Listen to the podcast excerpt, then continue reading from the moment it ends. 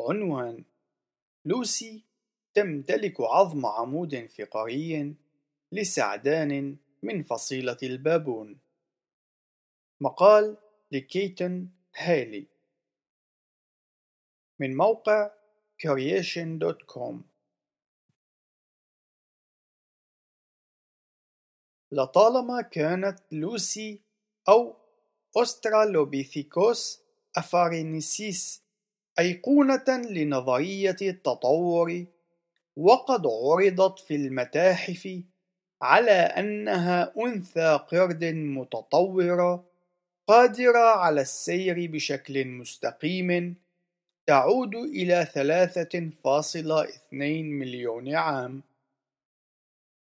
بعد أربعين عاما من اكتشافها لأول مرة في إثيوبيا وجد علماء الأنثروبولوجي أن واحدة من بين العظام لا تنتمي لنفس الكائن إنما إلى سعدان من فصيلة البابون. هؤلاء العلماء من متحف التاريخ الطبيعي الأمريكي في نيويورك وجامعة نيويورك اشتركوا بالعمل على إعادة تشكيل وترتيب الهيكل العظمي للوسي.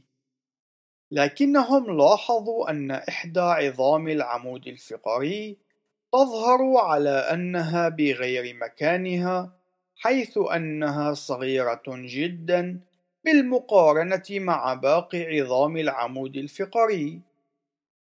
وقد قادت التحقيقات اللاحقة إلى ملاحظات كاختلاف اللون الناجم عن التعرض للعوامل المناخية بالإضافة إلى اختلاف الملمس والتركيب الخارجي عن باقي أجزاء العمود الفقري.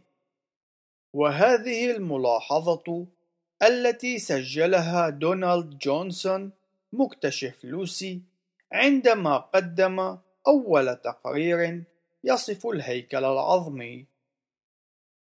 تجاوز العلماء ولعدة عقود فروق المظهر المذكورة سالفا كنتيجة لعدم السماح لهم بدراسة العظام الأصلية المكتشفة إنما كانت تجاربهم محصورة على نسخ منها تفتقر للتفاصيل المتوفرة في الأصل.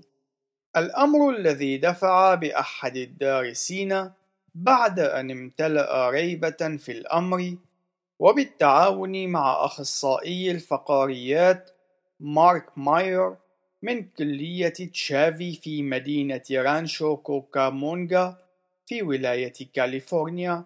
بمقارنة العظم المثير للريبة مع عظم العمود الفقري لحيوانات أخرى مما قادهم للاستنتاج بعد المقارنة بأن هذا العظم بالغالب يعود إلى فصيلة منقرضة من سعدان البابون عنوان ما معنى ذلك؟ بالرغم من كون هذا العظم لم يعط نتيجة حاسمة لوضعية وقوف لوسي أو طريقة سيرها ناهيك عن كونها سلفا للإنسان لا يقلل هذا من أهمية التنقيح.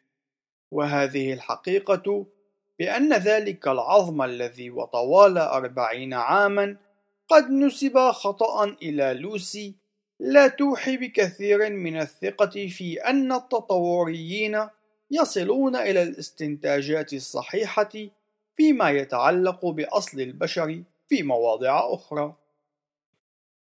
عند قراءة التقارير المتعلقة بهذا الاكتشاف، نلاحظ تورط التطوريين في محاولة لاحتواء الأضرار التي لحقت بمصداقية نموذجهم حيث يحاولون طمأنة الجمهور من خلال تصاريح مثل اقتباس العظم المضلل العائد إلى سعدان البابون لا يقلل من مكانة لوسي المهمة في سلسلة تطور أسلافنا نهاية الاقتباس. كما يحاولون تقديم جانب إيجابي لهذا الاكتشاف قائلين اقتباس هذه هي الطريقة العلمية لمعالجة البيانات فنحن لا نترك أي شيء دون اختبار وفحص. نهاية الاقتباس. متناسين بهذا عددا كبيرا من الافتراضات المبدئية التي لا يظهر التطوريون أي رغبة في فحصها مثل طبيعة النموذج التطوري ذاته. في الحقيقة إن هذا الالتباس في عظم البابون المنسوب خطأ إلى لوسي يوضح مدى سهولة الوقوع في أخطاء أثناء إعادة استحضار الماضي حتى من قبل المتخصصين. فما هو معتمد كحقيقة علمية اليوم قد يتم نقضه في الغد القريب وبخاصة فيما يتعلق بدراسة التاريخ. حيث أنها مبنية على تجميع أدلة ظرفية ومحدودة من الحاضر لإعادة تشكيل الماضي وهي غير قابلة للملاحظة المخبرية أو التكرار. بشكل خاص الادعاءات المختصة بالإنسان القردي أو الإنسانة القردة في حالة لوسي. وهي مبنية على أجزاء من بقايا أو رفات تفضي بذاتها إلى مجموعة كبيرة ومتنوعة من التأويلات. إن هذا الخطأ في التعرف على عظم العمود الفقري ليس إلا تذكيرا لنا أنه حين نريد البحث عن تاريخ العالم الحقيقي يجب أن يكون مرجعنا الأعلى هو شهود العيان من خلال السجل المعصوم للوحي الإلهي في الكتاب المقدس فضلا عن الرجوع إلى الآراء غير الموثوقة للناس. انتهى المقال. إلى اللقاء في تسجيل آخر وليكن المجد للرب دائما.